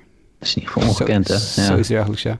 Ja, vraag me ook niet de naam van die tweede gast, want die uh, is me alweer ontschoten. Dat is een, uh, een relatieve nobody. Um, de grootste zorgen. Sander, welk team heeft de grootste zorgen na één maand honkbal? Ja, nou ja, we hebben, ze, we hebben Detroit net al even genoemd. Uh, maar ja, Colorado word ik ook absoluut niet vrolijk van. maar ja, eigenlijk bij die teams wisten we het wel. Ik, uh, ik vind vooral ook de Braves waren mij zorgen. Ja. Ik weet niet of zij zich zorgen maken, maar dat die nu uh, vier wedstrijden onder 500 zitten na een maand. Uh, dat ze eigenlijk ja, konst. Ze hebben niet echt een winning streak of zo gehad. Ze zitten eigenlijk gewoon, volgens mij in ieder geval. Het gaat gewoon de hele tijd. Ze komen niet uit dat dal. En het. Nee ze hebben min 16 run differentials, krijgen heel veel runs tegen. Ja, en, en Ozuna, Ozuna die is vergeten hoe die moet honkballen na zijn uh, dikke contractverlenging. Travis Darno heeft een pace in zijn duim gescheurd, waardoor die op de 60 DDL is gezet. En er nu William Contreras opgeroepen is als uh, uh, vervanger. Broertje van Cubs Wilson Contreras. Ja, het, is, het oogt echt als een chaos. En ze hebben natuurlijk ook wel blessureleed, maar ja, het, zijn ook de fitte spelers die gewoon ook uh, niet thuisgeven. En dat, ja, je had gewoon dik, dik bovenaan kunnen staan. Want zoals we al zeiden, is de NL East is, is een totale chaos. Het is echt... Uh... Dat is ook wel even een analyse waard. Hè? Volgens mij heb ik gezegd aan het begin van het, uh, van het Spring Trading, toen we die preview shows deden, dat de NL East de sterkste divisie in baseball was. Met in principe vier teams die allemaal mee zouden kunnen doen voor de, de titel in die divisie. Plus dan in mijn geval dan de Washington Nationals, want daar geloofde ik eh, helemaal niet in. Uh, maar wie valt er tegen? Nou ja, kies niet één team, kies, kies de NL East en je, je zit goed. Maar ja. dat even terzijde. Dat, uh, ja, ja, veel, veel winnen van elkaar, denk ik. Ook wat dat betreft. Evenly. Ja, maar het is wel echt uh, niet best daar. Nee, ja, Braves, een goede keus. Ik had hem ook op mijn lijstje staan wat dat betreft. Dus wat dat betreft zitten we op dezelfde lijn. Mike, wie, wie kies jij? Ik kies de Minnesota Twins. Die vallen mij nog tegen. Ja. ja. Zes wedstrijden achter al de, de Kansas City Royals op dit moment. En 4,5 wedstrijden achter de White Sox. Ja. Nee, it ain't, pretty. En uh, nog niet, uh, tenminste, uh, we hadden toch wel gedacht, maar ja, het is nog vroeg. Hè? Want op zich, ik geloof dat de onderliggende statistieken niet dermate slecht zijn dat er echt heel veel paniek zou moeten zijn. Maar ja, de starting pitching is maar ja, nog wat wissel, een beetje wisselvallig. Weet je, mm. J. Heb. Mm, Kenta Maeda. Ja. ja, Jose Barrios, nou ja, zijn vliegende ja. start en nu ietsje wisselvalliger alweer. Ja. dus nee, ja, heeft nog niet kunnen overtuigen mij. Nee, Alex Kirilov heeft wel een goede week, geloof ik. Die heeft er al een paar uitliggen. De, de, de slugging outfield prospect van de, uh, de Twinkies. Ja. Maar uh, nee, ja, die, die vallen inderdaad ook tegen. Ja. Sowieso is het ook een gekke divisie hoor. Maar goed, daar gaan we, kunnen we op een andere tijdstip nog een keer uitgebreid over uh, oreren. Ik bedoel, de Royals bovenaan hebben we al besproken, is al vrij apart. Ik kijk heel veel White Sox logischerwijs. Ik heb het gevoel dat ze als brandhout staan te spelen. Maar ze hebben de beste run differential in de American League, geloof ik inmiddels. Oh nee, achter de Astros. Dus nummer 2 in de American League. Uh, staat op nummer 4 in ESPN's Power Rankings van de 30 uh, beste. De, de, de, rankings van de 30 teams in MLB. En ik kijk die wedstrijd en denk, nou, het ziet er niet uit. Het, het loopt voor gemeten. Maar ja, ze staan wel gewoon anderhalf wedstrijd achter de Royals op de tweede plek. En dan komen de Indians die 13 en 13 zijn, precies 500. Met de nou, waanzinnige pitching natuurlijk. Met Bieber en Plesac en, uh, en dat soort jongens. En, en Karinchak in de bullpen. Anti-vaxer uh, Karinchak overigens. Um, en dan heb je nog de Twins die, die enorm tegenvallen. En de Tigers die 130 wedstrijden gaan verliezen dit jaar. Ja, ja voor mijn gevoel is, uh, geeft de run differential hier wel redelijk wat mijn verwachting ook is. En, en je ziet ook dat de expected win-loss, die is daar dan ook ja. wel grotendeels op gebaseerd, is dat de White Sox eigenlijk toch nog steeds, ondanks dat ze nu iets achter staan, gewoon de favoriet zijn. En nu zie je eigenlijk dat die drie daarachter uh, want ook Minnesota heeft gewoon, die, die hebben een positief run differential. Dat is gewoon. Ja, plus drie.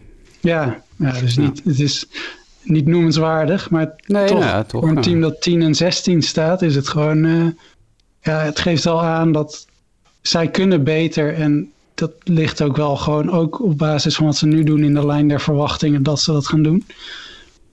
Maar het is echt, ja, hier wijkt het zo af van wat je zou ook wat de expected win-loss aangeeft. Ja, drie, drie, teams met die 13 en 13 zouden zijn ja. volgens de expected win-loss. De Royals, Indians en Twins. Allemaal zouden ze 13 en 13 moeten zijn.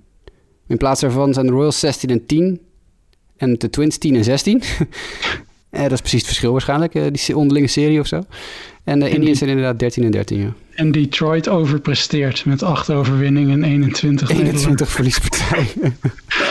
Ja, dat moet er eentje minder zijn. Min 62 run differential heeft Detroit. Wat jezus. Min 62, bro. Weet je wat, weet je wat de, is Jose Urena een waardevolle werper. Weet je, weet, je wat de vol, weet je wat het volgende team is qua run differential? Als je de min, wie, wie er na de min 62 van Detroit komt? De min 26 van de Pittsburgh Pirates. Wow. Er zitten 40 runs tussen. Ja, dat is een, uh, een gaatje. Detroit is niet alleen het slechtste team in de Major League. Nee, Detroit zou op dit moment waarschijnlijk het slechtste team in AAA zijn. Baltimore wow. Orioles like. Oh, sorry. ja, de Baltimore, maar min 11. Maar goed, dat even terzijde. Um, grootste zorgen voor mij? Ja, nee. Uh, ik heb geen zorgen voor niemand niet, ja, eigenlijk. Nou ja, de, de, de, de, de, de meeste hebben we wel besproken. Braves had ik ook op mijn lijstje staan, absoluut. Um, nou, laat ik dan de Cubs zeggen. Vind ik leuk. Uh, daar kan ik ook een beetje lol uithalen uit deze uitzending. De Cubs 12 en 16 stijf onderaan in de NL Central. Vijf wedstrijden al achter de Milwaukee Brewers. En het ziet er niet uit. Chris Bryant is... Uh, He never wastes a moment to uh, ja, mention bedoel, the Cubs in this. ik, ik wilde eigenlijk voor de Braves gaan, maar die had Sander al voor mijn, uh, voor mijn neus weggekaapt. Dus dan uh, moet ik iets anders uh, on the fly doen, zoals we dat dan zeggen. Nee, de Cubs onderaan in de NL Central. Um, Kyle Hendricks is niet goed. Zach Davies is niet goed. Verder hebben ze geen pitching. Uh, Wilson Contreras is oké. Okay. Chris Bryant staat weer een beetje goed te ballen deze maand. Die heeft het team of the month gehaald voor de National League voor mij. Die staat dan wel weer goed te spelen. Voor de rest is het allemaal meh. Dus nee, ik zou me wel een beetje zorgen maken uh, als ik de Cubs was, ja. Als je omhoog kijkt en het eerste wat je ziet is de Pittsburgh Pirates... dan weet je wel dat je je zorgen moet maken. Want ja. dat je daarachter staat...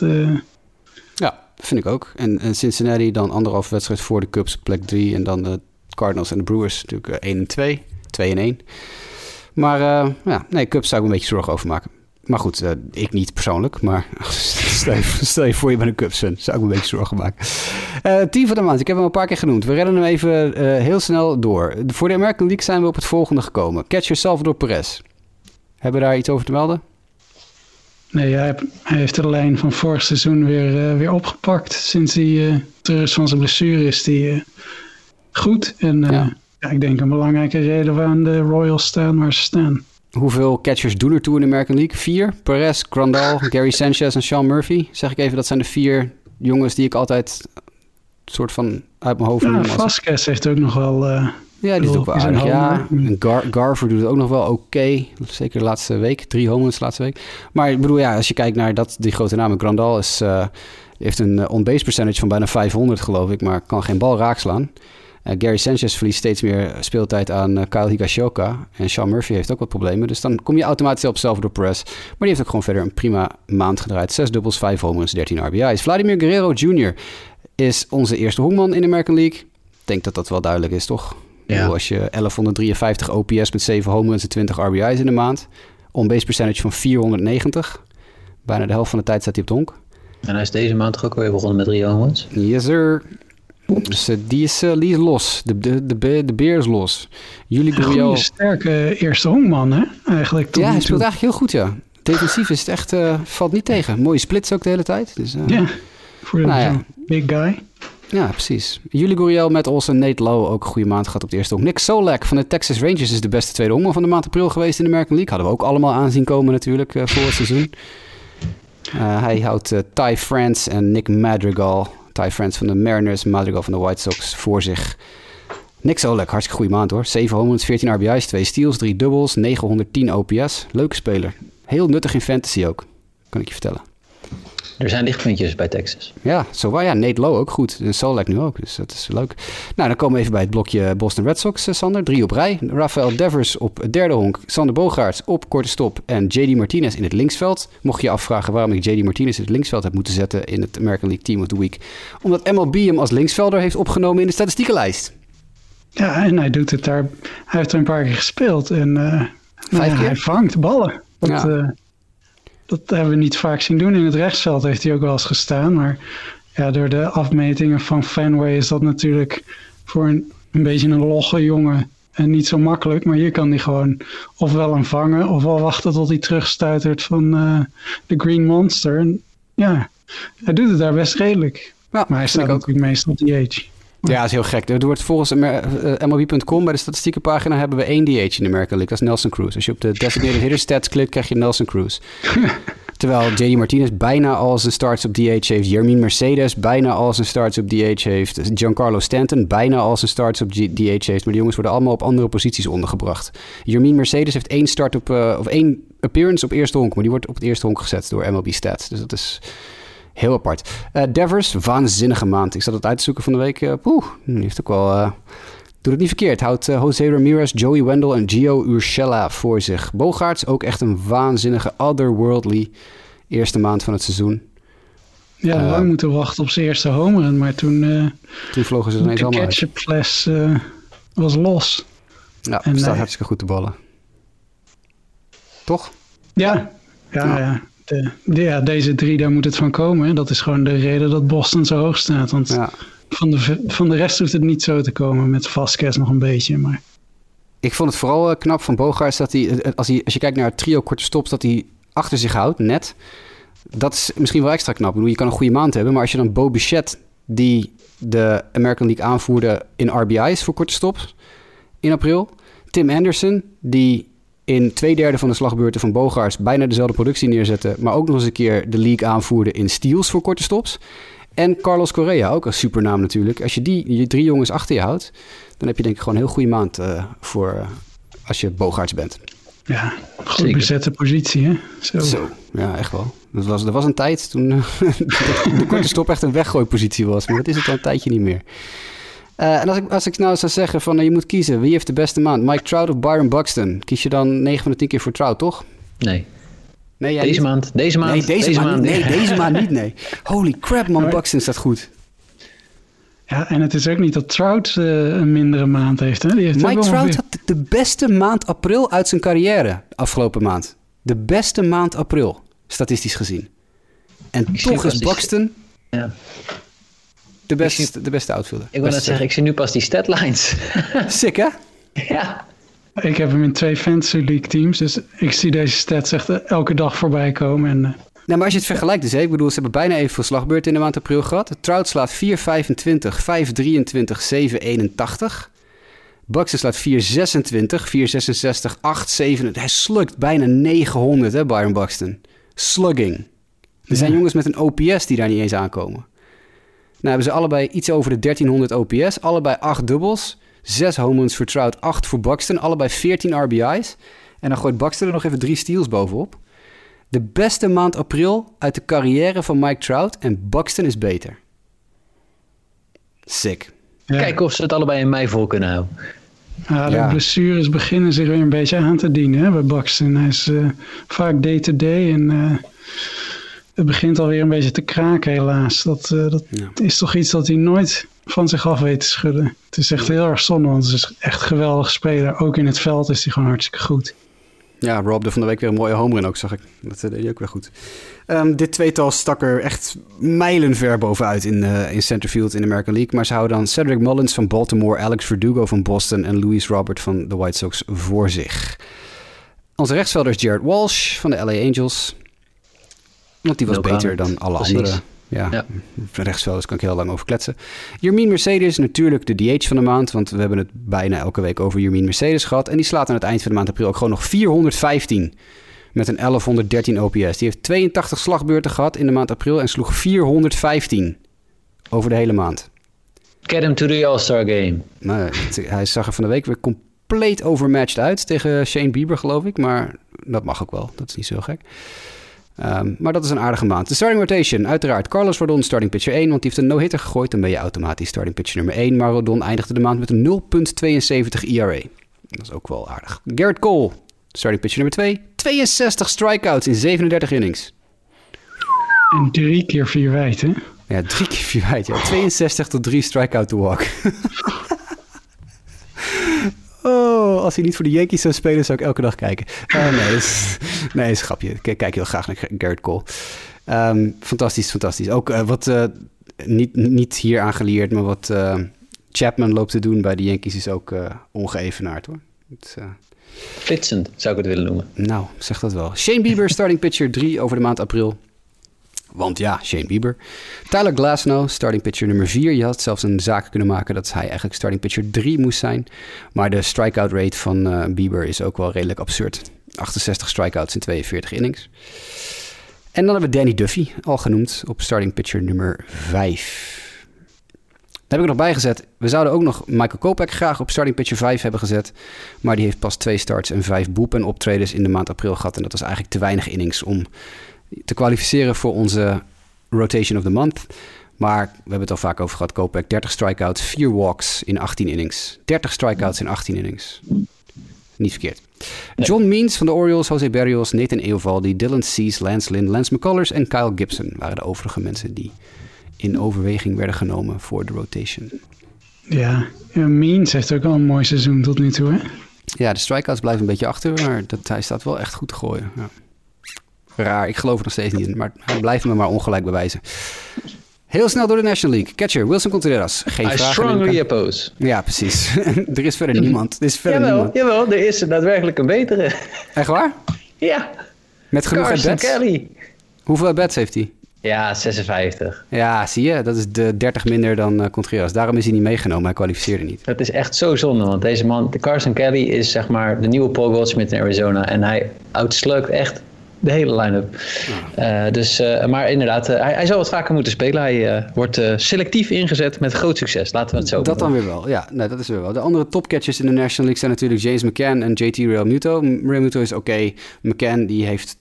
Die weet het niet meer. Die, die moet nog even wennen aan New York. Eerste honkman, Jesus Aguilar. Had ik ook niet door. Kreeg ik ook pas te zien toen ik de statistieken door zat te nemen. Waanzinnig goede maand april. En vooral ook meer strikeouts dan walks voor Aguilar. En dat is... Uh, sorry, meer walks dan strikeouts. Ik zei meer strikeouts dan walks. Meer walks dan strikeouts. Dat uh, doet hij ook niet heel vaak. Uh, Reese Hoskins, CJ Kroon en de rest bleven achter hem. Ryan oh. McMahon heb ik op tweede honk gezet. Vond ik leuk. Eindelijk. Ja. Kon ik keer doen. Geen, geen Jazz Chisholm. Ondanks dat hij de tweede honk mensen in de National League aanvoert in steals. Maar McMahon, ja, Met, Heel met goeie. drie of zo? Zeven? Zeven? Ah, Oké, ja, ja. Hij heeft al zeven. Die gozer heeft twee Ja, weken in de majors geswift. Zeven steals. Ik denk dat hij dan eh, de, meeste gestolen honk heeft van de tweede honk van de rest van het seizoen. Ja, dat zou best kunnen. Maar McMahon staat goed te spelen. En we hebben het al drie jaar over Ryan McMahon. Dus leuk dat hij het een keer laat zien. Chris Bryant en Justin Turner... die waren vrijwel identiek in de statistieken deze maand. Maar eh, één home run meer voor Bryant... en twee doubles meer voor Bryant... heb ik eh, Chris Bryant aangewezen als derde honkman van de National League van de maand april. Fernando Tatis op kort... Was even een beetje smokkelen met de at-bats, want hij heeft er ook maar 69. Maar Ja, we- de- ja, ik bedoel, we hebben ook gezegd dat we deze man op een bepaalde manier, dat de hype te ver is, maar. Ze zijn weer even in Arizona geweest. Deze man aan slag is echt niet, niet normaal. het is niet, eh, niet, nee, het is niet normaal. Het is ongekend. Er staat geen maat op, deze jongen. nee. Ik zag vandaag ergens volgens mij een tweetje voorbij komen. Ik weet dan ook niet of het vandaag was, maar dat hij hij had laatst volgens mij zijn eerste 162 wedstrijden gespeeld. Dus dan een overzichtje van wat, hij dan, wat zijn prestaties waren in die 162 wedstrijden. En dat is echt, volgens mij 46 home runs en 35 steals of zoiets. In het eerste volledige seizoen draait hij gewoon even een 40-30 seizoen. Ja, nou ja, goed. We, de ere wie ere toekomt. Het outfield bestaat bijna volledig uit Cincinnati Reds. Want ik had nog, als ik eh, mijn best had gedaan, had ik nog eh, Nick Castellanos eh, in het rechtsveld kunnen zetten. Maar ik ontkwam niet aan Ronald Acuna Jr. daar. Maar de linksvelder, Jesse Winker, onze linksvelder van de maand april. Bizar goede maand. Zes home runs, vijf dubbels, meer dan 1000 OPS en 370 slaggemiddelde over de maand april. Ruim voor David Peralta van de Diamondbacks, Raimel Tapia van de Rockies en Corey Dickerson van de Miami Marlins. Ook wel een fraai kwartetje met z'n vieren, maar goed. Ander punt. Tyler Naquin. Wie? Inderdaad. Tyler Naquin is de centerfielder van de maand april. 914 OPS, 6 home runs, 19 RBI's, 2 steals. Voor Trent Grisham, Starling Marte en Chris Taylor. Iets te zeggen over Naquin? Ja, verrassend. Ja, ja inderdaad.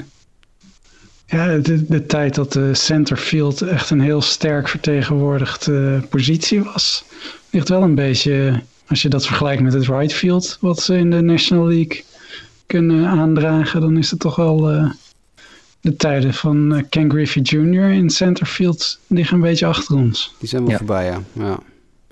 Ronald Acuna Jr., zoals ik al zei, eh, duidelijk afgetekend. De rechtsvelder van de maand april. Bryce Harper, Nicolas Castellanos bleven achter. Oh, ik moet trouwens wel zeggen, we hadden net natuurlijk Buxton en Trout in centerfield, dus dat is vrij dom. In de. American League, ja. Dat, nee, maar goed, dat is de American League. We zitten nu in de National League. Ik bedoel, als je ook de pitching vergelijkt van de American League en de National League. Ik bedoel, de, de American League is dus heel goed, maar de National League is veel dieper. Veel dieper. Die hebben echt Ja. sick goede pitching. We komen nu op. Starting pitcher nummer 1, Joe Musgrove, want no-hitter. Dan ben je automatisch meteen natuurlijk starting pitcher nummer 1. Verder ook geen onverdienstelijke eerste maand. Jacob de Grom, noodgedwongen dan natuurlijk. Starting pitcher nummer 2, 0.57 whip, 0.51 ERA. 59 strikeouts in 35 innings. Goed, Corbin Burns, ook niet heel erg verrassend denk ik, starting pitcher nummer 3. Ondanks dat hij nu op de COVID-vraagteken IL staat. Weten we niet waarom hij op de IL staat. Eh, wordt niet gemeld, maar 49 strikeouts in 29 innings en 0 keer 4 wijd. Dus hij heeft een 49 tegen 0 strikeout to walk ratio. En 49 strikeouts in 29 innings. En 0 keer, en 0 keer 4 wijd. PlayStation stuff. Ah, ja, dat is ja, Nintendo stuff. Ja, dat slaat echt nergens op. Fantastisch. Ah, Kenley Jans heeft het record. Ik geloof 51 strikeouts, 0 walks is het record van Kenley. Ehm, Brandon Woodruff van de Brewers ook, starting pitcher nummer 4. Doet het ook prima. 1.8 ERA, 0.8 whip. Eh, 40 strikeouts en 9 walks. En Trevor Rogers van de Miami Marlins op plek 5. 1.29 ERA in april, 1.0 whip, 38 strikeouts en 28 innings. En dan heb ik natuurlijk Madison Bumgarner niet genoemd. Want technisch gezien heeft hij een no-hitter gegooid, 7 innings. Eh, maar zolang MLB de wedstrijd niet als officiële no-hitter heeft erkend, kan ik het ook niet doen. En Bumgarner's ERA voor de maand april is 5,58. Dus dan afgezien van de 7 inning no-hitter. Verre van de moeite waard te benoemen. niet helemaal denderend. Nee. Dan hebben we nog eh, de eervolle vermeldingen. Anthony Desclafani, ik noemde hem net al even eerder deze uitzending. Kevin Gausman, ook weer een giant. Marcus Stroman staat goed te gooien. Clayton Kershaw staat goed te gooien. Hugh Darvish staat goed te gooien. Trevor Bauer staat goed te gooien. En Max Scherzer staat goed te gooien. Dat bedoel ik met diepte in de National League qua pitching. Luister even naar die namen die langskomen. Maar ook Freddy Peralta moeten we even noemen.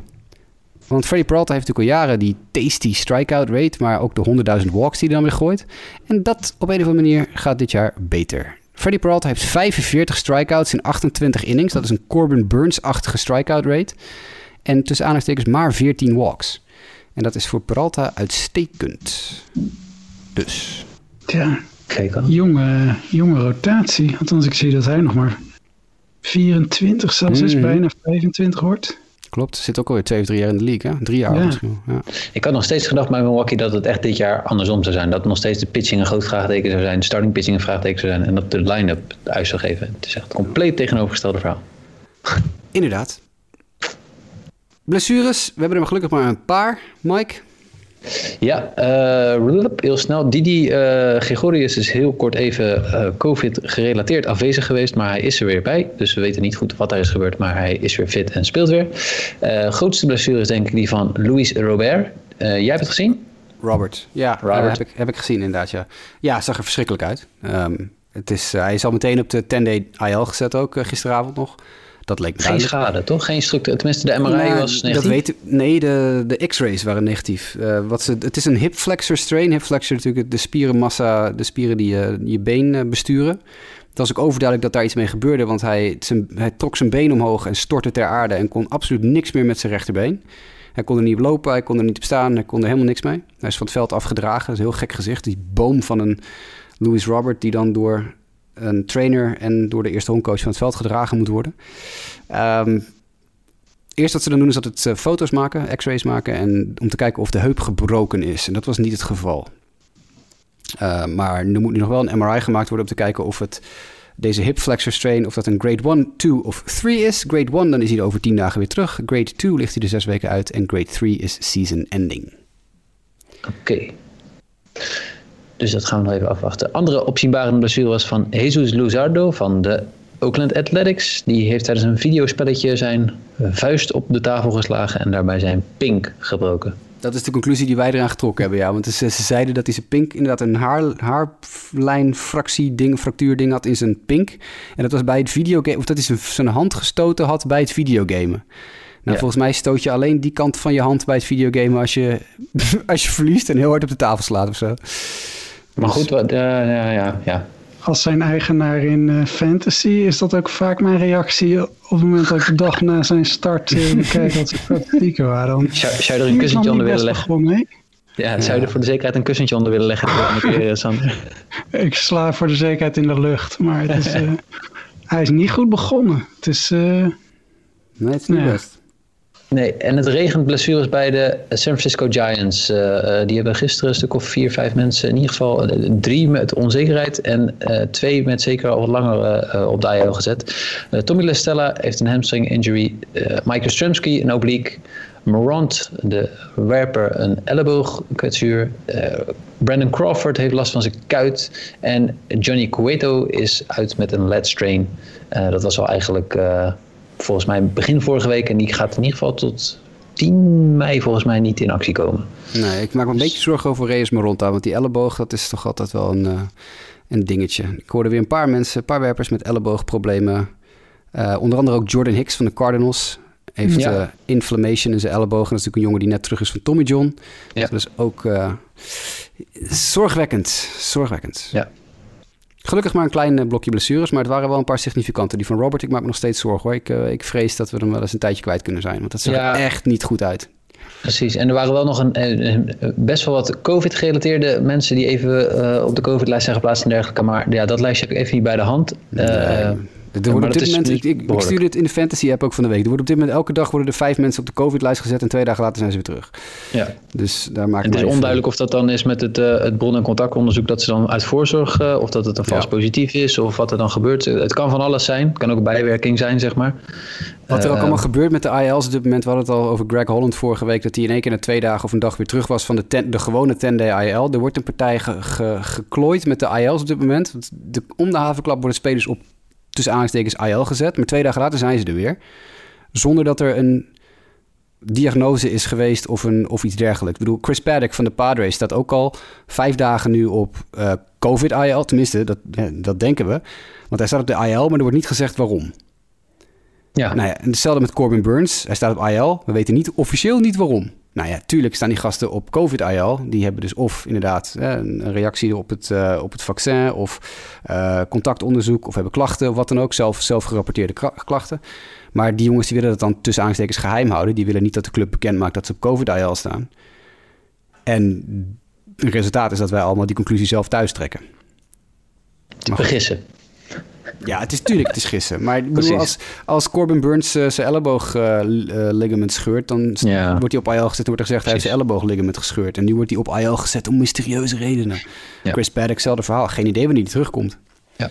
Super chill. Fantasy team heel blij mee. Maar goed, Ehm, dat terzijde. Jongens, we zitten alweer anderhalf uur te kletsen en dat, eh, ik bedoel, mag best. Ja, want, Om te voorkomen dat we een eh, boete krijgen van MLB, kunnen we ook nog heel even vermelden dat Shohei Otani oh ja, zijn start mogelijk wordt verplaatst. Die is, is de bedoeling dat hij vanavond start, maar door een geraakt werper heeft hij een beetje last van zijn elleboog.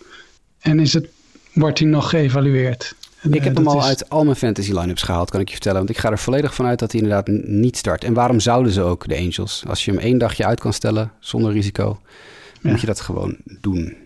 Maar dan hebben we hem genoemd. Ja, heel goed. Onze Japanse voorkomen- luisteraars. Voor al onze Japanse luisteraars, ja.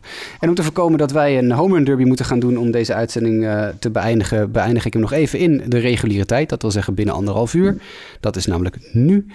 Eh, jongens, hartstikke bedankt dat jullie eh, deze honkballoze avond met mij doorgebracht hebben. Ik ga eventjes mijn inschrijving voor MILB TV afmaken, denk ik. Want ja, ik bedoel, je moet toch wat met je geld tegenwoordig. Dankzij corona hebben we het nergens aan uit te geven. Dus je moet toch iets. Ehm, Mike, dankjewel. Tot volgende week? Vraagteken? Eh, in principe wel, ja. In principe wel, dat hoor ik graag. Eh, Sander, jij gaat niet op eh, wazige COVID-IL? Nee, maar ik zit in Limburg volgende week. Dat is bijna net zo erg. Ja. Ehm, oh, Hij is niet sorry. besmettelijk, dat scheelt. Eh, dat is maar de vraag. Tim Vergozen, ik weet niet of je luistert. Sorry, eh, ik heb niks tegen Limburg. Ehm, dat terzijde. Jongens, we spreken elkaar wel weer. En eh, luisteraars, bedankt voor het luisteren. En tot de volgende keer. Mustakis scolds this one to right. Hayward looks up. Gone! The Reds lead! He wanted more. And so does Suarez! Are you kidding? He connects and clobbers it! Off the Reds bullpen! Career hit number 800. It's home run derby at Great American Ballpark.